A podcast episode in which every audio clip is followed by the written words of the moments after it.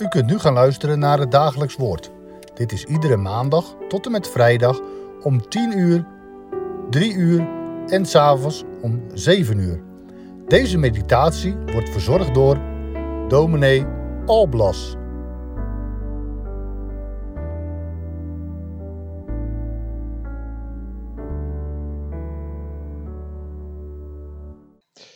Van harte welkom bij deze uitzending van het Dagelijks Woord. Vergeven kan ik je wel, maar vergeten zal ik het nooit. Dat kunnen wij wel eens zo zeggen. Wel vergeven, maar niet vergeten. En wanneer het echt om grote dingen gaat die je zijn aangedaan, dan is het kunnen vergeven van een ander al een heel groot iets. Iets wat je ook niet zomaar kunt, waar vaak ook tijd voor nodig is, wat strijd betekent. En dan vergeten? Nee, dat is te veel gevraagd. Het kan wat wegzakken, maar het blijft ergens zitten. Toch kun je afvragen van, is dat wel vergeven? Vergeven is vergeten, dat is ook een uitdrukking. Dat is inderdaad wel de Bijbelse uitdrukking. Maar dat kan toch geen mens, dat is toch onmenselijk, te veel gevraagd. Wie kan dan vergeven? Dat kan alleen God. Laten we het gedeelte voor vandaag maar gaan lezen. Marcus 2, vers 1 tot 7. En na enkele dagen kwam Jezus opnieuw in Capernaum en men hoorde dat hij thuis was. En meteen verzamelden zich daar velen, zodat zelfs de ruimte bij de deur hen niet meer kon bevatten. En hij sprak het woord tot hen. Er kwamen ook enigen naar hem toe die een verlamde brachten, door vier mannen gedragen. En omdat zij niet bij hem konden komen vanwege de menigte, verwijderden zij de dakbedekking boven de plaats waar hij was. En nadat zij het dak opengebroken hadden, lieten zij de lichtmat waarop de verlamde lag neer. En toen Jezus hun geloof zag, zei hij tegen de verlamde: Zoon, uw zonden zijn u vergeven. En er zaten daar enige van de schriftgeleerden, en die overlegden in hun hart: waarom spreekt deze op die manier godslasteringen? Wie kan zonden vergeven dan God alleen? De geschiedenis die hier beschreven staat is, bijna onvoorstelbaar geworden in deze tijd van coronamaatregelen. Een volgepakt huis, zelfs de ruimte bij de deur staat vol, echt volgestampt. Niks geen anderhalve meter. Maar Jezus werd onbereikbaar voor die vijf mannen waarover hier verteld wordt. Een van hen ligt op een lichtmat. Hij kan helemaal niet lopen, is verlamd. Wat is dat een leidersweg, niet kunnen lopen? Dat was in die tijd ook nog eens vele malen erger, want dan hoorde je er echt niet bij. Je had geen werk, je moest leven van giften, bedelen dus. En daarbij kwam ook nog eens het besef van zondaar te zijn. Een handicap en zonde waren, werden toen al snel aan elkaar verbonden. En als hij vanaf zijn geboorte verlamd was, dan ging het om de zonde van de ouders. Maar er is sprake van schuld, eigen schuld. Deze man heeft toch een paar vrienden. Dat zijn wel echte vrienden hoor. Ze laten hem niet links liggen, ze zoeken hem regelmatig op. En nu? Ze hebben over Jezus gehoord. Ze hebben gehoord dat hij mensen genezen kan, mensen zoals hun verlamde vriend. En ze geloven die verhalen. Ze geloven echt dat Jezus hun vriend ook kan genezen. Uit alle verhalen over Jezus hebben zij wel de conclusie getrokken dat hij meer is dan zomaar een profeet, dat hij een door God gezonden is. Hoe zou hij anders die bijzondere tekenen kunnen doen? Zou hij nu ook hun vriend weer op eigen benen kunnen laten staan? En zo gingen ze naar het huis waar Jezus was. Ze konden er niet meer in, maar ze lieten zich door mensen niet tegenhouden. En als ze niet op de gewone manier bij Jezus konden komen, dan maar op een ongewone manier, door het dak. Ze gingen het dak op, braken het open, lieten hun vriend zakken voor de voeten van Jezus. Zo. Hun vriend was bij Jezus. En nu?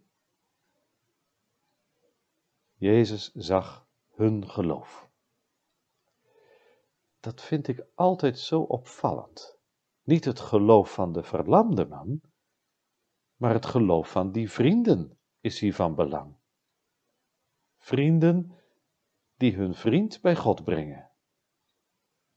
Ouders die hun kinderen bij God brengen. Ja, dat mogen ook wij doen, in vertrouwen, hoe persoonlijk het geloof ook is. In het geloof heeft het zin om ook anderen aan de voeten van Jezus te leggen. Hen te brengen in gebed voor de troon van Gods genade. Denk daar nooit te min over. Doe dat. En dan Jezus, daar spreekt hij. Zoon, uw zonden zijn u vergeven. Ja, maar ik denk dat die vrienden daar niet voor gekomen waren. Of toch wel?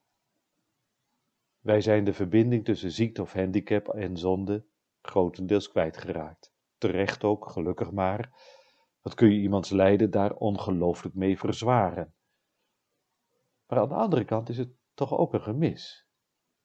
Want genezing is niet zonder vergeving verkrijgbaar.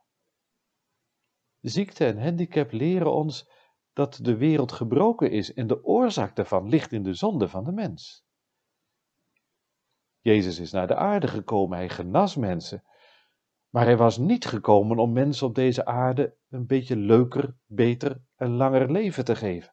Hij was gekomen om levens te redden, om te verlossen van zonde en dood. De weg van het kruis was nodig. Daarvoor was Jezus op aarde. En alles wat hij deed of zei, kun je alleen maar goed begrijpen als je het ziet vanuit het kruis. Uw zonden zijn nu vergeven. Ja, dat is Jezus ten voeten uit. En juist en alleen dat opent de weg naar een nieuw leven, naar genezing, naar een eeuwig leven. Het is het mooiste wat Jezus kon zeggen. Gelijk kwam er commentaar. Hoe durft Jezus? Wie kan er zonden vergeven dan God alleen? En daar zitten we precies bij het diepe geheim van Jezus. Daar begon ik ook mee. Wie kan nou echt vergeven? Vergeven en vergeten. Dat kan geen mens maar Jezus wel. God is mens geworden en hij kan wat geen mens kan. Genezen? Ja, dat is bijzonder, daar zie je zijn goddelijke kracht. Maar voor genezingen gebruikt God ook wel andere mensen en medische middelen. En elke genezing op aarde is per definitie tijdelijk. Nee, hij kan wat geen mens kan, vergeven dus. Op zo'n manier dat het ook echt vergeten is. In de Bijbel lees je daar meerdere beelden van. In het diepste van de zee worden zonden weggeworpen. God werpt ze achter zijn rug. Wat God vergeeft is niet bedekt met een laagje zand, maar is weg. Zo reinigt het bloed van Jezus van alle zonden. Het is weg. Wat geweldig dat God vergeeft. Dan gaan we ook beseffen dat vergeving voortkomt uit een hart vol liefde, uit barmhartigheid, uit genade. En alleen die vergeving opent de weg naar genezing, echte genezing. Want zonden zijn weg en de gevolgen van zonden worden hersteld. Een nieuwe hemel en een nieuwe aarde, daar geen pijn meer, geen gebrek en geen geklaag, geen verdriet. Ja, vlucht met uw zonden naar Jezus toe. En wie zijn of haar zonden aan de voeten van Jezus legt, hoort zijn stem. Mijn zoon, mijn dochter, uw zonden zijn u vergeven. En daar komt God nooit op terug. Het is weg. Daarom hoeft u niet bang te zijn. Ook niet voor het laatste oordeel voor Gods troon. Het bloed van Jezus reinigt alles. Het is weg. Schuil bij Jezus. En de poort gaat open. Een poort van het kruis, waardoor het licht van het kruis komt schijnen. Die poort gaat open. Ook voor u. Laten wij bidden. Heere God, wij beleiden nu onze zonde. Oh, we zeggen dat eerlijk gezegd wel eens wat makkelijk, maar we beseffen dat het toch niet zo makkelijk is. En we weten ook dat als we zwijgen, we daar aan onderdoor zullen gaan. Maar bij u is vergeving altijd geweest. Wij danken u daarvoor. En help ons, Heere God, om met onze zonde voor de dag te komen, bij u te komen. Help ons om te geloven en te vertrouwen dat er bij u volkomen verzoening is van al onze zonden. Bevrijd ons van de last van zonde. En geef ons de vreugde van het leven vanuit genade. De zekerheid dat we door u behouden worden en genezen. Dat de poort wijd open gaat. Wij kunnen soms ook onze eigen zonde maar niet vergeten. Maar wilt u ons verlossen van dat geheugen? Ons reinigen met het bloed van Jezus ons hoop en vertrouwen geven. We bidden nu ook voor allen die ons lief zijn en we leggen ook onze vrienden, onze kinderen en kleinkinderen voor uw voeten neer. Wilt u hen zien, hen in uw hand bewaren. En o God, we verlangen zo naar het moment dat we als mensen weer samen mogen komen in de huizen, in uw huis. Verlos uw wereld ook van deze crisis. Geef alle mensen kracht die werkzaam zijn in de ziekenhuizen. En geef onze overheid wijsheid in de besluiten die genomen moeten worden. O Heere, hoor ons gebed uit genade. Amen.